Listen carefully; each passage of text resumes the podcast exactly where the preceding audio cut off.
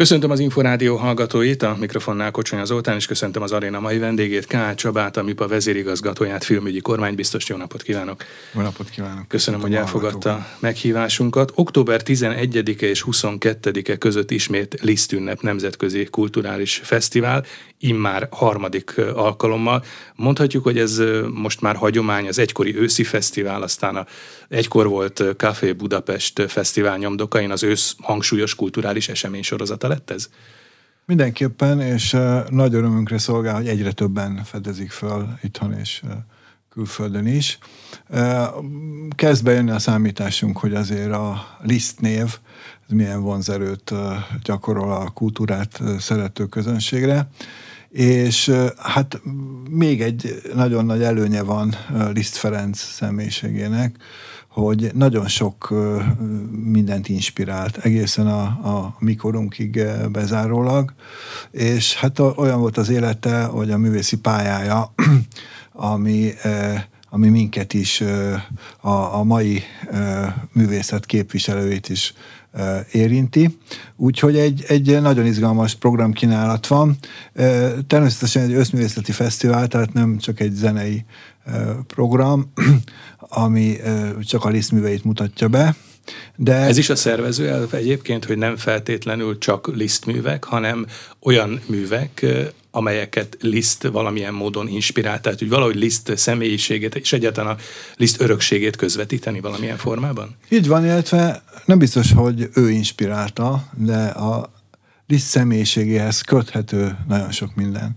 Ugye egyrészt a 19. század egyik legnagyobb művésze, aki hát a, a eladói művészi sikerei mellett az alkotóművészi zeneszerzői sikereit is hát na, nagyon magasra vitte és hát ehhez kapcsolódik egy csomó olyan dolog, hogy integrálta az európai zenei életet, nagyon sok zeneszerzőnek segített, természetesen ugye a Vejének, Wagnernek is jó pár dologban, de hát Berlioz-tól kezdve, tehát ez, ennek a zenei forradalomnak is részese volt, amit a romantika kapcsán akkoriban előjött, és hát nagyon nyitott volt a, a, az újításokra, nagyon nyitott volt arra, hogy új zenei formákat alkosson. Ráadásul ugye akkoriban még nem volt magnó vagy, vagy zene lejátszó, tehát átírta a nagy műveket zongoradarabokká, amit bárki otthon, egész európai kontinensen, az oroszoktól a franciákig mindenhol le tudott játszani, tehát közvetítette a, a, a zenét. És hát a, a emberi nagysága is tényleg lenyűgöző, vagy a, az élet útja, és ezek a dolgok, ezek, ezek mind inspirálni tudnak egy mai fesztivált. Ezt úgy szoktam fogalmazni, hogy Liszt Ferencet ne egy köztéri szoborként csodáljuk, hanem próbáljunk úgy tenni, mintha itt lenne köztünk, hiszen itt van köztünk. Ez azért nem könnyű feladat szerintem, mert azt mondom, hogy, hogy Liszt Ferenc, komoly zene, koncertterem, ennek azért óhatatlanul van egy kicsit ilyen ünnepélyes hangulata vagy vetülete. Hadd mondjuk azért egy pár példát, hogy itt a fesztiválon ez, ez hogy fejlődik. Természetesen azért a, a Liszt életművet állandóan műsoron tartjuk, és olyan dolgokat is, amit, amiről nem tudunk, bármilyen furcsa, van olyan rizdarab, ami nem lett bemutatva Magyarországon. Ilyen például ez az opera töredéke, amit Szárdana Páló címen írt meg, aztán végül is nem fejezett be. Ez Byron tragédiája alapján készült ez, a, ez az opera. Nagyon érdekes, mert ugye szinte minden műfajban hatalmasat alkotott Liszt, az operával nem foglalkozott annyit, de ez a darab megmutatja, hogy, hogy milyen potenciál lett volna. De akkor ez csak töredékesen maradt fent. Ez így van, de hogy milyen potenciál lett volna benne még, hogyha az operákkal többet foglalkozik. Egy nagyon érdekes zene, és hát nagyon örülünk, hogy partnerünk a opera bemutatásában egy másik Lisztváros, Weimar, illetve annak a Staatskapelle Weimar című kiváló együttese. Akkor voltak éppen ennek a mostani magyarországi ősbemutatónak azért van egy zenetörténeti vetülete is. Egyáltalán hogy kerülnek elő ezek a darabok? Mert azt tudom, azt olvastam, hogy Liszt különösen termékeny zeneszerző volt, de ezek szerint azért még rejtőzhetnek valahol akár töredékek, akár befejezett zeneművek? Hát természetesen, hiszen mondjuk olyan alapos vízkutatás zajlik, tehát erről, erről a művéről tudtunk, csak mivel töredékes, tehát nem volt még például az operaházban bemutatva, illetve hát mivel töredékes, azért nem nagyon vették elő mind darabot, van még másik ilyen típusú próbálkozása is Lisztnek. Tehát ezeket az érdes, érdekességeket is szeretnénk a fesztiválon bemutatni, hiszen a fesztiválnak az is a funkciója, hogy még ha a múltból is, de mutasson be újdonságokat, hívja fel a figyelmet. És hát akkor itt jön az, a, amiről beszéltünk, annak a példázata, hogy van, van ez a DNS-ünk, ami mondjuk Liszt Ferenctől ered, ugye az ő öröksége van minden zenakadémián végző tanítványában, vagy a tanítványainak a tanítványában. És hát ezen a fesztiválon két jeles örökös is ünneplünk. Az egyik nem más, mint Ligeti György, akinek a születésének századik évfordulója van, és hát Kurták György, akinek meg nem sokára lesz a századik. 97 éves. Így van, évfordulója. Hát a 20 illetve hát a 21. század két zenei óriása tulajdonképpen lisztörökösök, mert hogy, hogy itt tanultak a Zeneakadémián, egymást is nagyon inspirálták, és van is kapcsolódás a két életmű, tehát Ligeti és Kurtág életművek között azért vannak kapcsolódási pontok, mert ugye ők több évtizeden keresztül személyesen is nagyon jó barátságban voltak. Hát rengeteg van, ugye a személyes barátság, ez, ez, ez jelen van a, az egymás inspirálásában hm. is. E, e, igazság szerint ugye a Kurtág megfogadásában li, inkább Ligeti inspirálta őt, e, úgyhogy, úgyhogy ez, egy, ez egy nagyon érdekes fesztivál találkozó szintén. És hát ami külön öröm, hogy Kurták György megírta egyetlen operáját Samuel Beckett műve alapján, a Játszma vége, Fendő Párti címmel, és hát ezt bemutatták a Milánói szkálában, csak nem tudott a mester ott lenni a, a bemutatón. És én még akkor megígértem neki, hogy mindenképpen, hogy hallhassa egészben, akkor megpróbáljuk itt Magyarországon is bemutatni. És ez lesz most a Magyarországi ős bemutató. És akkor ez lesz a Magyarországi bemutatója a Fendő Pártinak, ami hát nem egészen félig szenírozott, inkább a koncertszerű bemutatója lesz, hiszen az a lényeg, hogy a mester hallhassa, a, amit lejegyzett, leírt. Egyébként ide jártak hozzá próbálni a, a bemutató előtt is ide, ide Budapestre.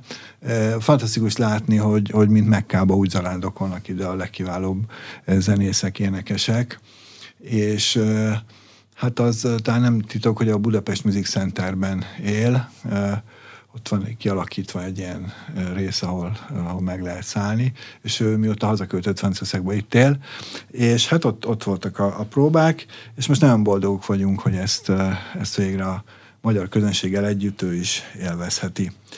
A, ugye a Ligeti kapcsán pedig egy Ligeti zongora maraton lesz, ami meg hát egy kicsit a Liszt zongora virtuózítására kacsint vissza, hogy úgy mondjam. Borbé László, Csalog Gábor és Palojtai János a muzika Richard Káta ciklusból fog előadni. Ez egy etűd sorozat, és ebből válogatott zongora darabokat. Tehát, hogy így értendő ez, amiről, amiről beszélgettünk. És ugye hát összművészeti fesztiválról van szó, tehát ezek mondjuk a komoly, főbb komoly zenei programok, de hát azért itt ugyanúgy ott van a, a könnyű zene, a jazz, a tánc és az irodalom is, és ha már ugye az örökségről beszéltünk, és Liszt szellemiségéről, akkor nyilván zenében, akár kortán zenében ez az út, vagy ez a kapocs, ez könnyebben felfedezhető, de azért amikor azt mondom, hogy tánc vagy irodalom, talán nehezebb felelni Liszt inspirációját. De ezt is megpróbálják ezek szerint. Ez így van, szoros viszonyban volt egyébként az irodalommal is.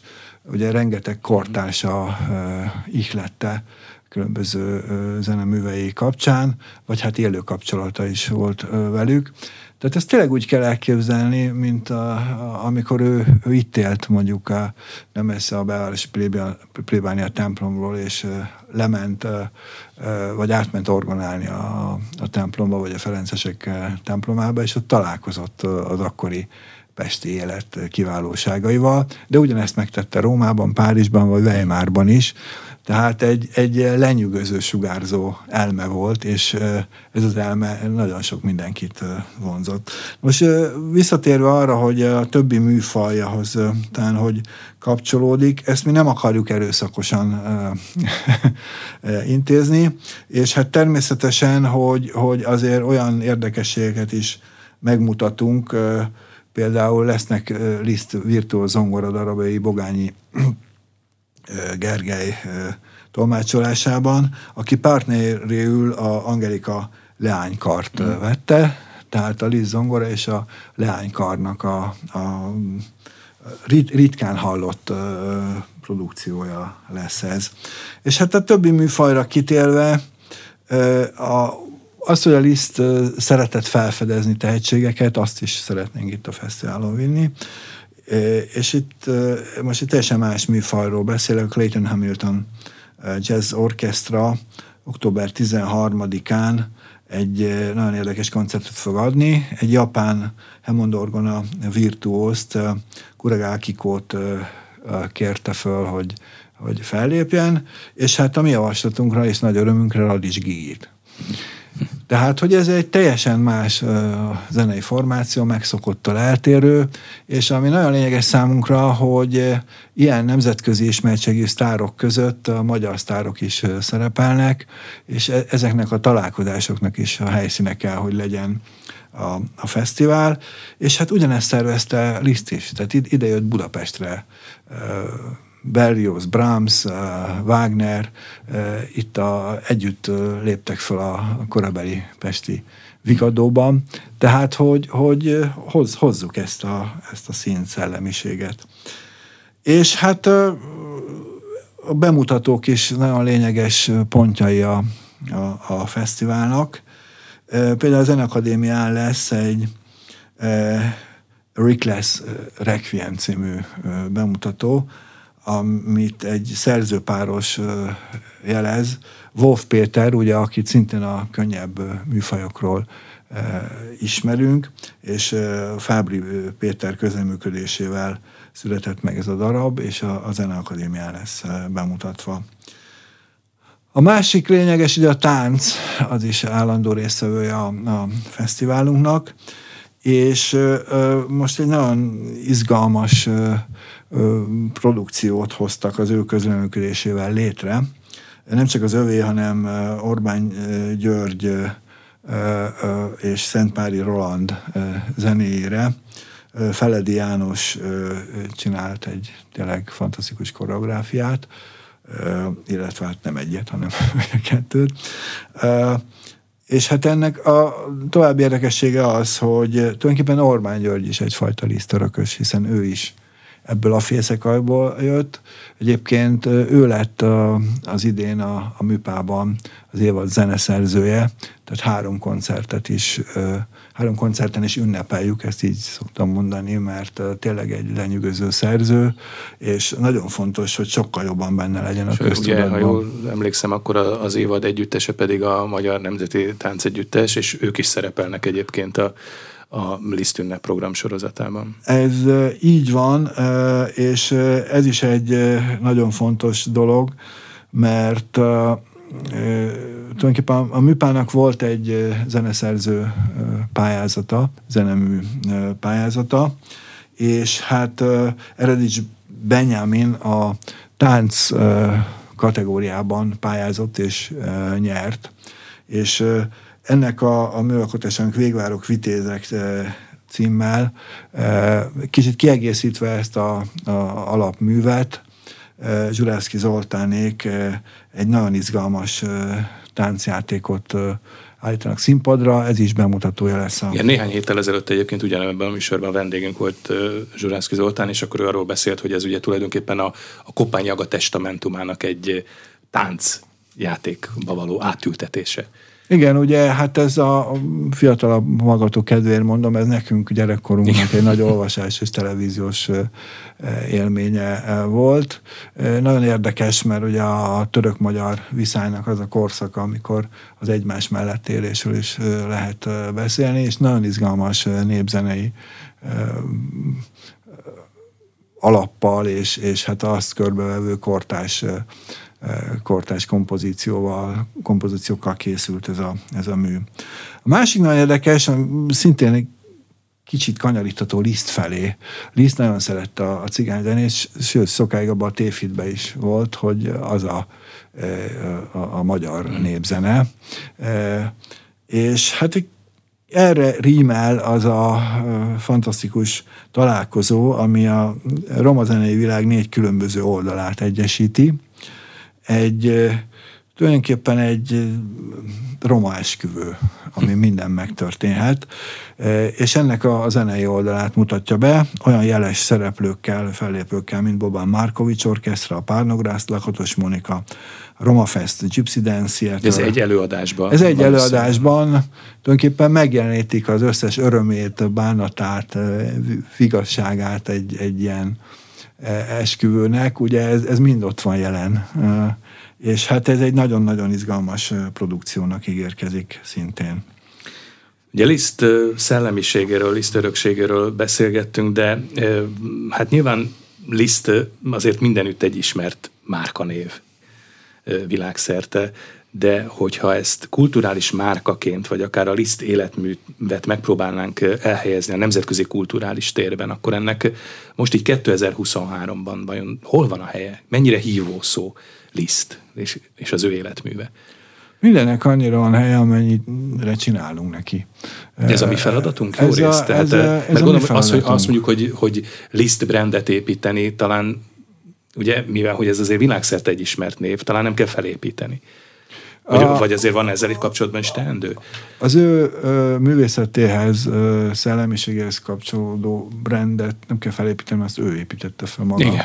hanem az ebből készült fesztivál brandet kell felépíteni, ami visszahat arra, uh-huh. hogy egyébként felhívja a figyelmet, hogy egy milyen zseniális alkotóval és És ebben hol tartunk a Liszt ünnep brand építésében? Ugye említettük, hogy ez most már a harmadik alkalom, tehát ugye 2021-ben volt az első.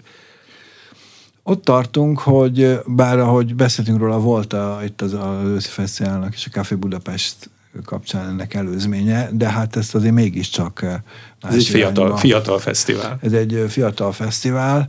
Ugye a Budapestre érkezőknek szinte már elvárása, hogy legyen olyan kulturális attrakció a, a megszokott e, év, rendes éves operaházi, zenakadémia és a többi attrakciók mellett, ami, ami ad egy speciális ízt a, a városnak.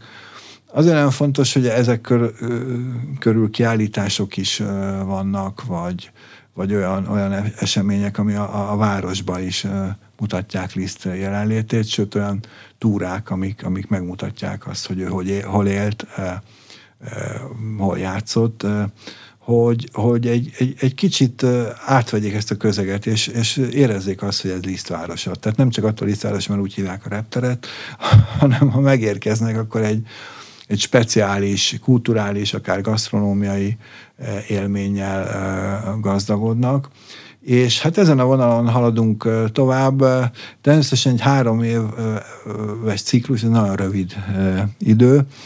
Ami, amit most a turisztikai ügynökséggel sokkal jobban szeretnénk erősíteni, az a, ennek a külföldi vonulata, vagy, vagy a, főleg a, azokban a destinációkban, ahonnan még több embert szeretnénk ide csalni.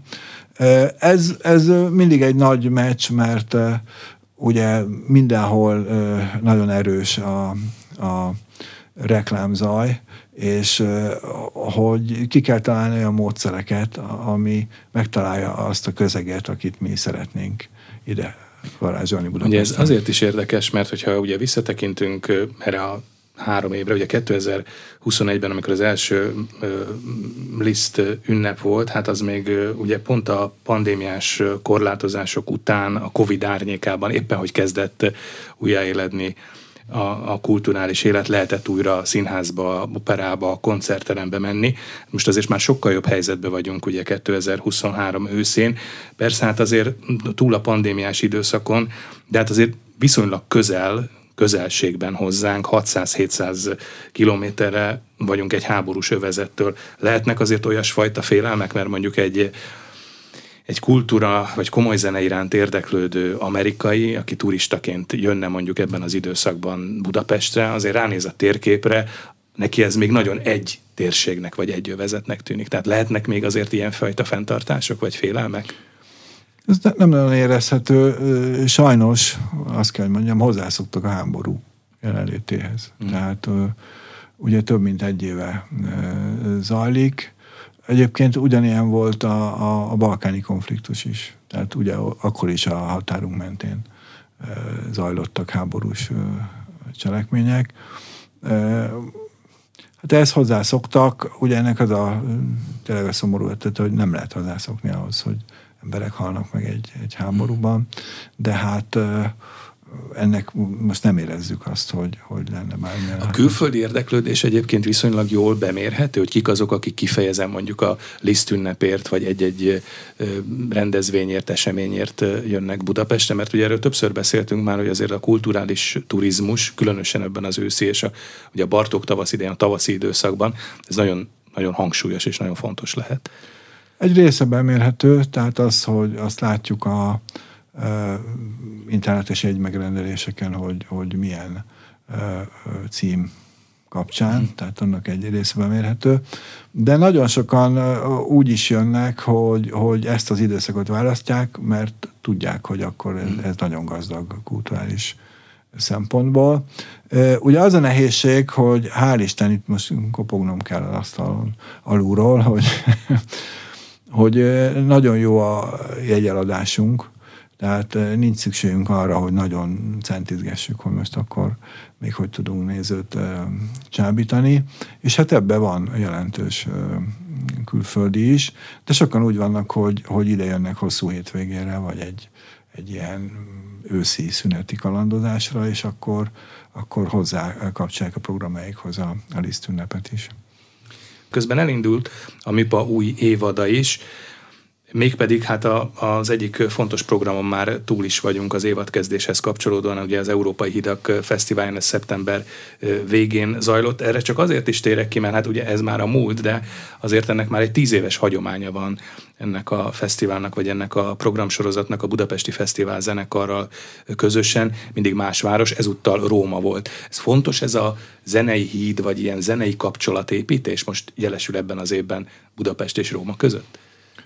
Annak idején Fischer Iván azért találtuk ki ezt a fesztivált, mert úgy éreztük, hogy nem tudunk eleget egymásról. Itt élünk Európában több nép nemzet, és hát nem nagyon van információnk egymásról. Ez természetesen nem váltja ki azt az információ halmazt, amit, amit ismernünk kellene, de legalább egy kulturális megközelítésben mégiscsak fölhívja a figyelmet egy-egy másik népre országra, és hát az első hét év az úgy telt, hogy egy kicsit egy oldal volt ez a híd, mert itt Budapesten zajlott a fesztivál, és az első hét évben országokat hívtunk meg, és a kultúrájukból ízelítőt adtunk. Csak arra lettünk figyelmesek, hogy ez egyrészt egy kis fesztivál, tehát ez, ez nem tud olyan igazán bemutatni, mint hogyha egy kulturális évad van, és mondjuk egész évben egy országgal foglalkozunk. Ezért is döntöttük úgy, hogy akkor koncentráljunk Budapest és egy másik európai városra. És hát az azért történt ez a, váltás, mert ez azt jelenti, hogy a fesztivál folytatódik a másik városba is. Tehát most itt Budapesten volt a, a budapesti pillére a, a dolognak, és október közepén pedig Rómában. Akkor ez valóban egy híd. Ez egy valódi kulturális híd, és eh, ez a számításunk bevált, mert így, így még sikeresebb a dolog, hiszen eh, azokat a produkciókat mutatjuk be mind a két városban, amik, amik itt születnek, eh, vagy a, a mi előadásaink kapcsán, vagy pedig együttműködés koprodukció kapcsán, és hát ennek, ennek nagyon nagy sikere van. Ráadásul ugye ez a Budapest-Róma tengely, vagy, vagy, vagy híd, ez egy, ez egy nagyon-nagyon nagyon izgalmas dolog, úgyhogy most, most várjuk a római fogadtatást.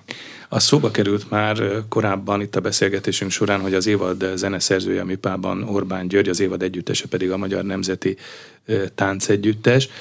Nyilván, hogy az ő, ő, ő hozzájuk azért kapcsolódnak programok a, a MIPA évadában, de mi minden lesz még, vagy mik azok a kiemelkedő programok, amit, amit érdemes lenne most külön megemlíteni?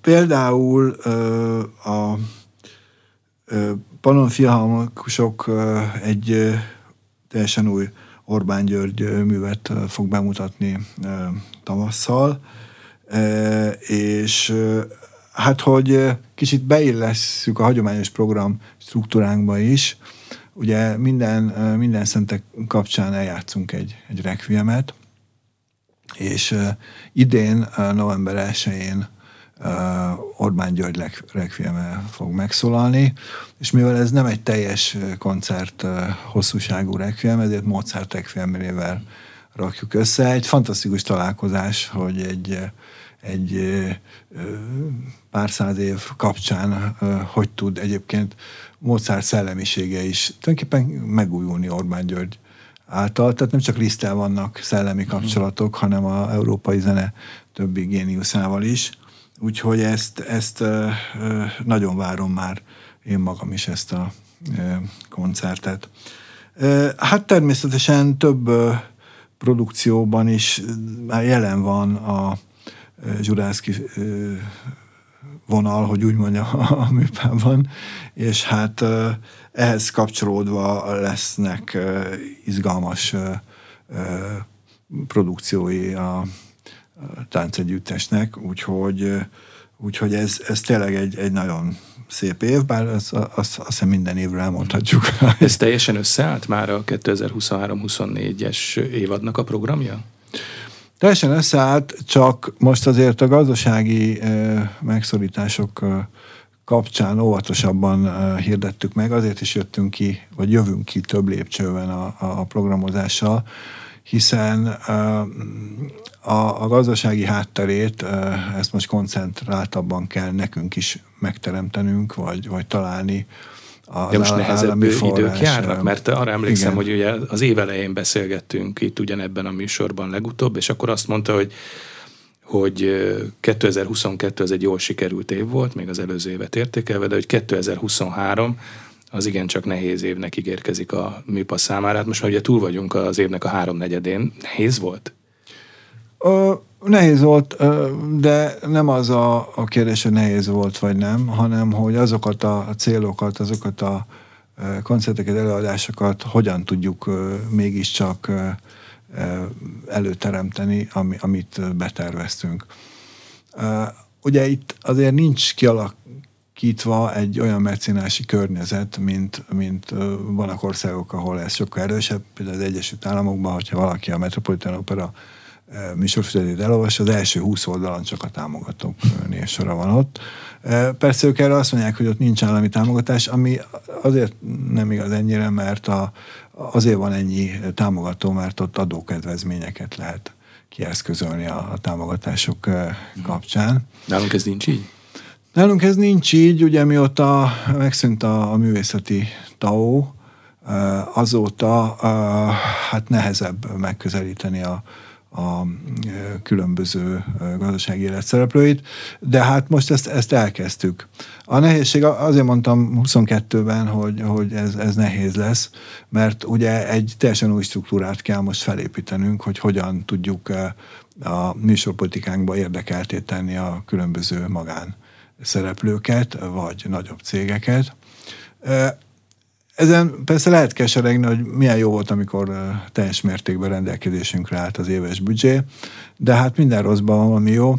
A társadalmi szerepvállás irányába lehet azért lépni, vagy, vagy közösen megfogalmazni elképzeléseket, és hát mi, mi ezt kezdtük el, ugye van egy fenntarthatósági programunk, ahhoz is próbálunk kapcsolni külsős cégeket. Ez mit jelent egyébként, hogyha azt mondom, hogy kulturális fenntarthatóság, mert ezt nap mint nap halljuk és használjuk, hogy fenntarthatóság napjainkban ez ugye különösen hangsúlyos, de hogyha azt mondom, hogy kulturális fenntarthatóság, annak azért mégis van egy ilyen speciálisnak tűnő vetülete.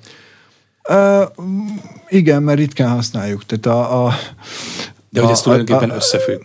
Vagy a kulturális fenntarthatóság az az, az hogy, hogy a kulturális gyökerekhez visszanyúlni, és azt a kulturális örökséget valahogy továbbvinni és folytatni? Igen, tulajdonképpen teljesen szinoním a, a másik kettő, tehát a természeti és gazdasági fenntarthatósága. Azokban több pénz van, azért foglalkoznak vele egyébként többet, miközben ez a társadalmi fenntarthatóság, ez a harmadik láb, aminek egy része ez, ez a, a, amiről beszélünk, a, a, a kulturális fenntarthatóság ugyanolyan, mint a, a, az előző kettő, e, tehát hogy hogy adjuk tovább a következő generációknak ezt a kultúrás környezetet, milyen gazdagon, és hogy ne éljenek szegényebb kultúrás környezetben, mint mi. Ez a, ez a célja ugye a fenntarthatóságnak.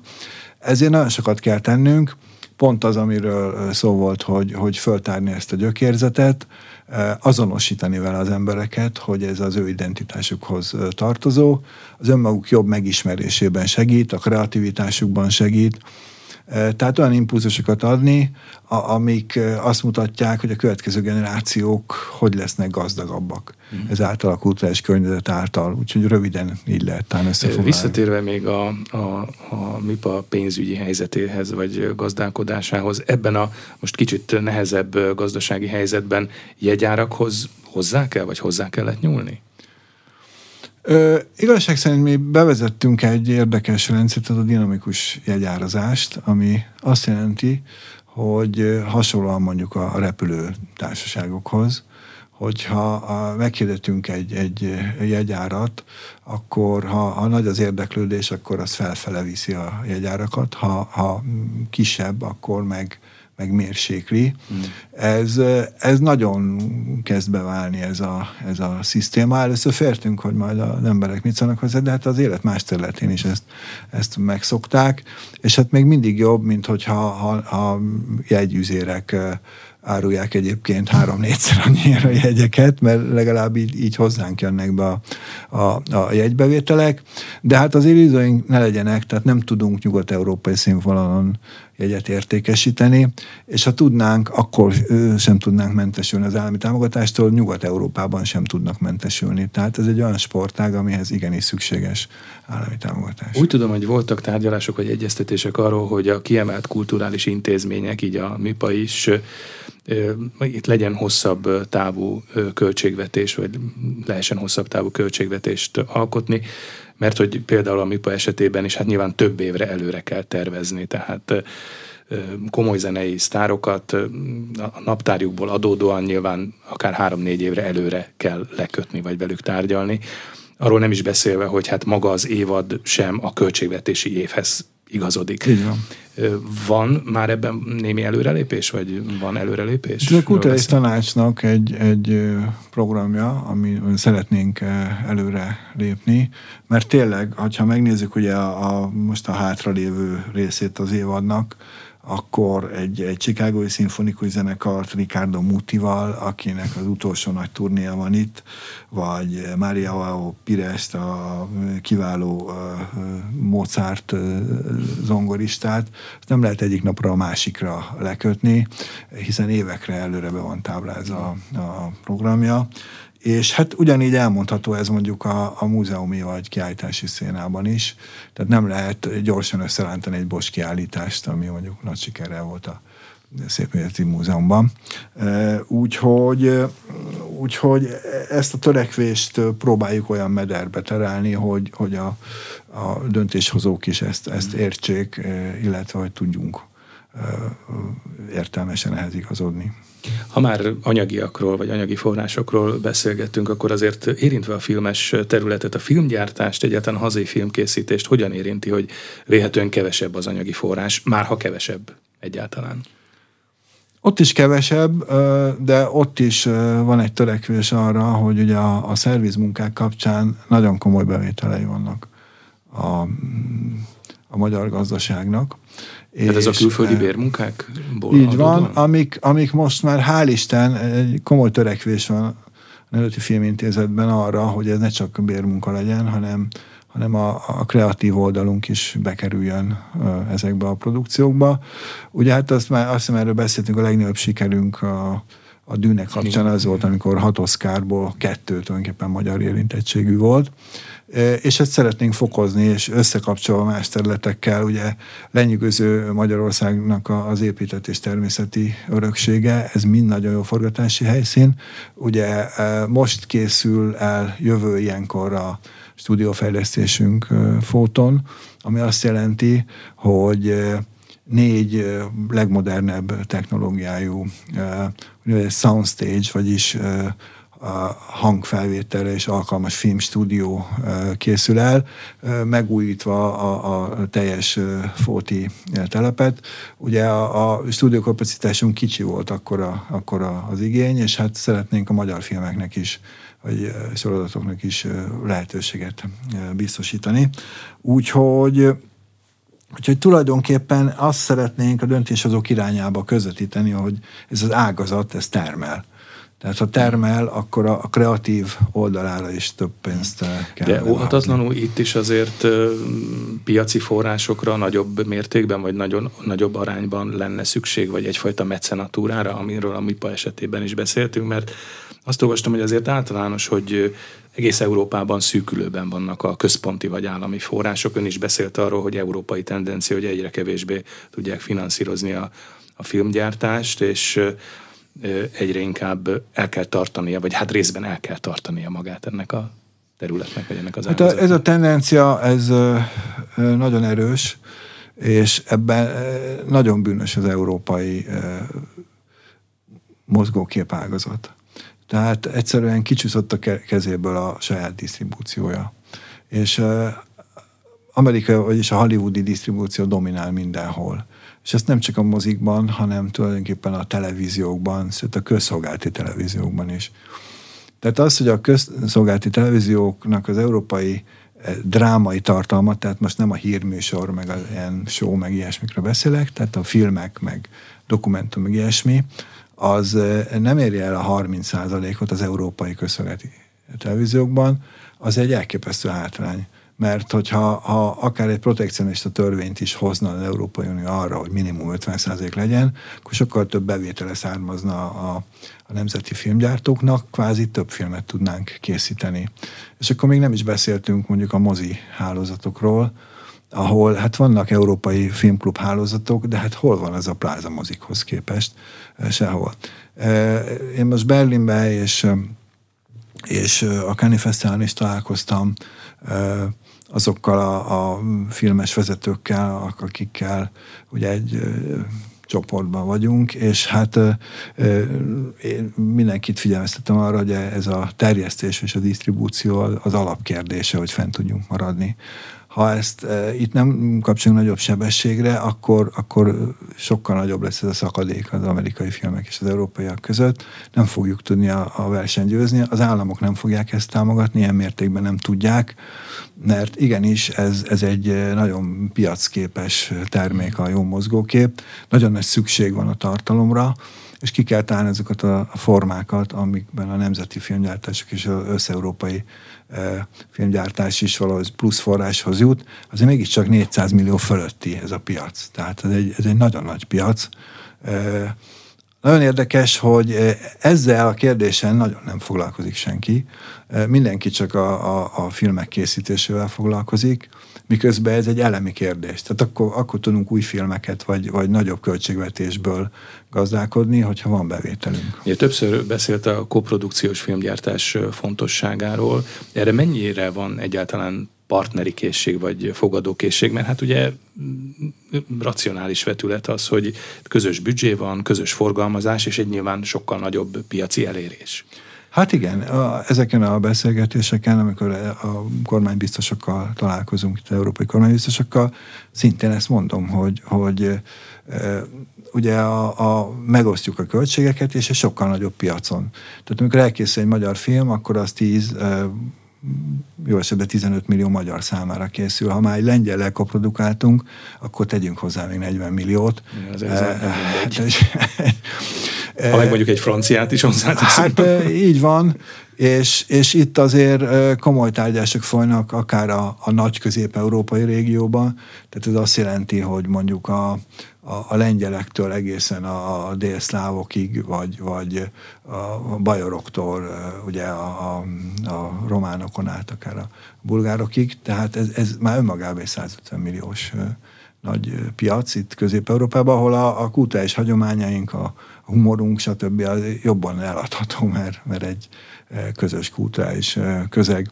De ebben még rengeteg feladat van, úgyhogy most ezeket próbáljuk úgy összecsiszolni, mm. hogy ütőképesek lehessünk ezzel, de ez nem már holnapra fog megtörténni. Ritkán esik szó filmekről beszélve az animációról és az animációs film készítésről. Ebben hajdan nagyon erős volt Magyarország, és most úgy tűnik, hogy ismét előtérbe került az animáció a hazai filmgyártásban. Itt volt a műanyagékból, több fesztiválon szerepelt sikerrel, és most ráadásul egy animációs film, a Koyot négy lelke, a hivatalos magyar nevezés az Oscar díjra. Tehát valami történik animációs filmgyártás frontján. Hát ez így van, nem csak a gyártás frontján, hanem ez egy régi terv, hogy a a Nemzeti Filmintézet stratégiájának legyen része az animációs stratégia is. Ugye az animációt is úgy kell felfogni, mint egy ágazat, ami nem csak arról szól, hogy produktumokat állít elő, hanem ágazati szinten, és ezt kértem az animációs szakemberektől, állítsanak össze egy olyan területet, amiben például a bevételeket is tekintetbe veszik, nem csak az államit, hiszen hasonlóan a, a, a filmes területek másik ágához, a nem, nem animációs, fogalmazunk így, területekhez, itt is lehet nagyon komoly bérmunkákat, vagy, vagy utómunkákat lehetőségeket létrehozni. És hát itt van például olyan új ágazat, mint a, a játékipar, a videójátékipar, vagy a, a virtuális stúdióknak a, az igénye, tehát itt is egy nagyon komoly ágazati fejlesztésen gondolkodunk. Ez a stratégia, ez nem sokára, ugye a CAF-on, a Kecskemét Animációs Fesztiválon már jeleztem, ott volt tulajdonképpen a animációs szakma nagy része, hogy ezen, ezen munkálkodás zajlik, és hogy most lesz ennek egy, egy olyan pontja, amikor, amikor ezt úgy lehet meghirdetni, hogy, hogy elkezdjük cselekvési programra váltani. A filmekről, filmkészítésről, filmgyártásról beszélve hajlamosak vagyunk továbbra is azért mozifilmekben gondolkodni, meg mozifilmekre gondolni, miközben hát azért azt tudjuk, hogy az emberek jó része ma már különböző streaming platformokon és online felületeken fogyaszt filmes tartalmakat, sőt, sokan már kizárólag csak ezeken a platformokon. Ez azért mindenképpen új stratégiát követel meg a filmkészítőktől, forgalmazóktól egyaránt, sőt, hát lehet, hogy ezt már múlt időbe kellett volna mondanom, hogy új, új stratégiát követelt meg. Így van, csak ugye az a helyzet, hogy nekünk úgy kell stratégiákat alkotni, hogy ne csak követő stratégiák legyenek. Természetesen a, mondjuk a hollywoodi streaming szolgáltatókkal és streaming tartalomkészítőkkel rettentő nehéz fölvenni a, a a, a versenyt. Ezért is indítottuk el annak idén a Filmiót, hogy legyen nekünk is egy ilyen nemzeti streaming platformunk, ami a legnagyobb meglepetésemre akkor kiderült, hogy ez volt az egyedüli nemzeti uh, ilyen platform Európában, uh, és nem hittem a szememnek, hogy például a franciáknak nincs. Van kereskedelmi típusú, mert a, azért a kereskedelmi tévék már észrevették, hogy, hogy nem csak online kell szolgáltatniuk, vagyis hogy on, tehát az hát meg egy olyan ország, Franciaország vagy Olaszország, olyan filmes hagyomány van, és olyan filmkészítési múlt van. Igen, igen. Úgyhogy ez, ez is egy, egy formája a disztribúciónak, vagyis a, a forgalmazásnak, terjesztésnek, amit meg kell erősíteni. Tehát ez is egy hatalmas piaci szegmens, hogyha a Európai Unióba össze tudunk állni. Ez És hol tart most ez az együttműködés, vagy az együttműködésnek a keresése? Arról beszélgettünk már a múltkorában is, hogy csehekkel és lengyelekkel vannak tárgyalások. Ez egyáltalán hol tart? Mert már ez is egy ilyen regionális piac, vagy egy regionális együttműködés lehetne.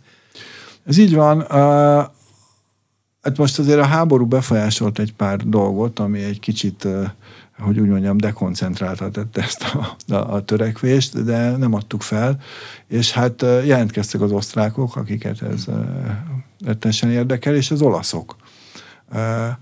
És hát megyünk tovább, ugye ennek nagyon érdekes és bonyolult jogi környezete van. Tehát, hogy hogyan Tehát jogosíthatók. Hát meg hogyan jogosíthatók. Mert ugye mi úgy kezdtük el, hogy a, az archív filmjeinkkel kezdtük el ezt, és mellé tettük az, az új filmeket. Az új filmeket már egyszerűbb, mert ott akkor úgy van szerződve a mhm. forgalmazásra, hogy akkor a, a mozi bemutató vagy tévés bemutató után átkerül erre a, a streaming feletre. Ők főleg ott vannak elakadva, hogy ők, ők is szeretnék ezt a, a, az archív, vagy felújított úgynevezett klasszikus, most ezt úgy hívják, hogy klasszikus filmeket is bemutatni, csak nincs náluk a jog vagy, vagy csak korlátozott számban vannak a, a jogok, úgyhogy most még ezzel birkóznak, de én, én nagyon remélem, hogy, hogy ez, ez ügybe lépni tudunk. De ez tágítható valóban egy szélesebb európai körben, mert az jutott eszembe, hogyha én mondjuk Milos Formannak a, a egykori Csehszlovákiában forgatott korai filmjeit akarnám megnézni valahol, vagy Antonioni Igen. korai filmjeiből szeretnék valamit látni, akkor nincs olyan felület jelenleg, rengeteg streaming platform van, de nincs olyan felület, ahol ezeket megtalálom. Hát így van, ez a törekvésünk, hogy legyen. Tehát akár legyen egy, egy nagy közös európai streaming szolgáltató, vagy úgy, hogy összekapcsolni a nemzeti streaming szolgáltatókat, és akkor egymáshoz át lehet menni. Ennek mondjuk a formáján is most komoly vita van. Egyébként a, a filmügyi biztosokkal is ezen, ezen vitázunk, hogy melyik a, a legüdvözítőbb, de mondom, emögött egy nagyon komoly gazdasági és jogi mm munka kell, hogy legyen. Vannak még arra vonatkozóan is netán tervek, hogy saját tartalmak is készülnének kifejezetten ezekre a streaming platformokra, vagy akár például a Filmióra, vagy egy szélesebb európai hát, együttműködésben létrehozott Természetesen, platformra? hiszen ugye most két nagy sorozatunk is itt van terítéken. Ugye a, a Tündérkert című sorozat. Ilyeneképpen most volt a sajtóvetítés, és rövidesen a Duna TV műsor. Így van, október 13-án az első két részre indul. Ez Moritz Zsigmond a 17. századi Erdély trilógiájából kiindulva ugye Bátori Gábor és környezetét mutatja be. Egy, egy, egy nagyon jól sikerült sorozat, és hát minden mindennek megágyaz, hiszen a, Hunyadi című sorozatot pedig most július végén fejezték be a, a forgatást, az utómunkálati fázisban van, és mivel az egy nemzetközi együttműködés, ugye beszéltünk erről mm. tulajdonképpen egy... Ez eleve egy szélesebb piaci. Így van, disztribúciós résztvevővel, vagyis terjesztői koprodukcióval van előállítva. Az, a, a részvevő országok, akiknek a, tehát olaszok, szerbek, románok, tehát, tehát a hunyadik környezetét olyan helyi sztárok játszák, akik miatt majd meg fogják nézni ezt a helyi televíziókban is, és hát természetesen törekvés, hogy valamelyik nagy nemzetközi platformra felkerüljön, és hát végül aztán a, a a, a filmjon kössön ki, mint nemzeti kincs. Köszönöm szépen a beszélgetést. Az elmúlt órában K. Csaba, a MIPA vezérigazgatója, filmügyi kormánybiztos volt a vendégünk itt az arénában. Köszönöm, hogy eljött hozzá. Köszönöm szépen.